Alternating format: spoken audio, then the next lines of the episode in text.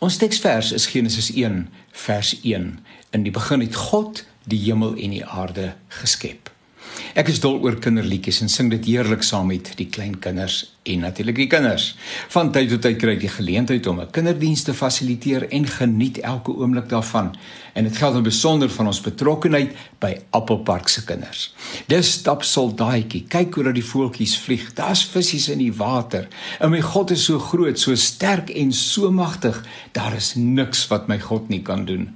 Ai, dis dan jammer dat ons hierdie geloofswaarhede vergeet wanneer ons groot word of wat sê ek alles. En dan is natuurlik die baie gewilde Jesus het my mooi gemaak, het my baie baie mooi gemaak.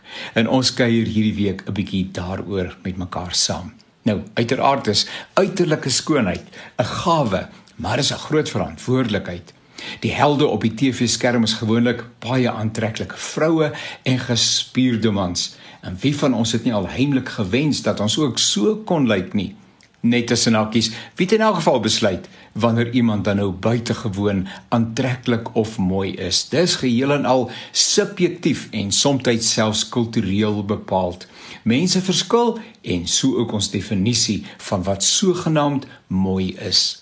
Maar die meeste van ons is redelik gemiddeld en dis seker goed so. Gawes verskil en ek dink uiterlike skoonheid en aantreklikheid is inderdaad 'n gawe wat met verantwoordelikheid bestuur moet word. Dit bring uiteraard ander versoekings en uitdagings op die toneel. Dit terwyl die lewe vir my gevoel reeds heeltemal gekompliseerd genoeg is. Ons het nie nog stres nodig nie. Daar is natuurlik die werklikheid dat selfs uiterlike skoonheid met verdrag vervaag en vergaan.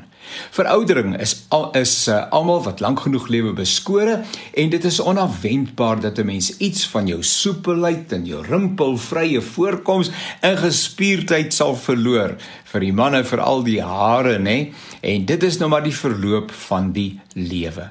Terug by die liedjie onder bespreking. Jesus het my mooi gemaak. Mooi omdat elkeen van ons beelddraers is van die lewende God. Elke mens herinner dus aan die God van hemel en aarde. Wanneer ons na mekaar kyk, moet ons God bewus word. Ons is heenwysers na die Vader.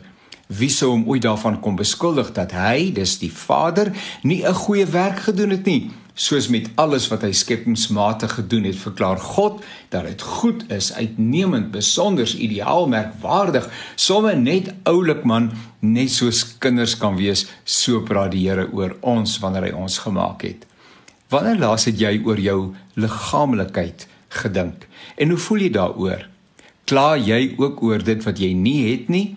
ons ons maar almal 'n bietjie meer van dit en 'n bietjie minder van dit of daai wou gehad het of verwonder jy jouself oor dit wat rel wel in plek is?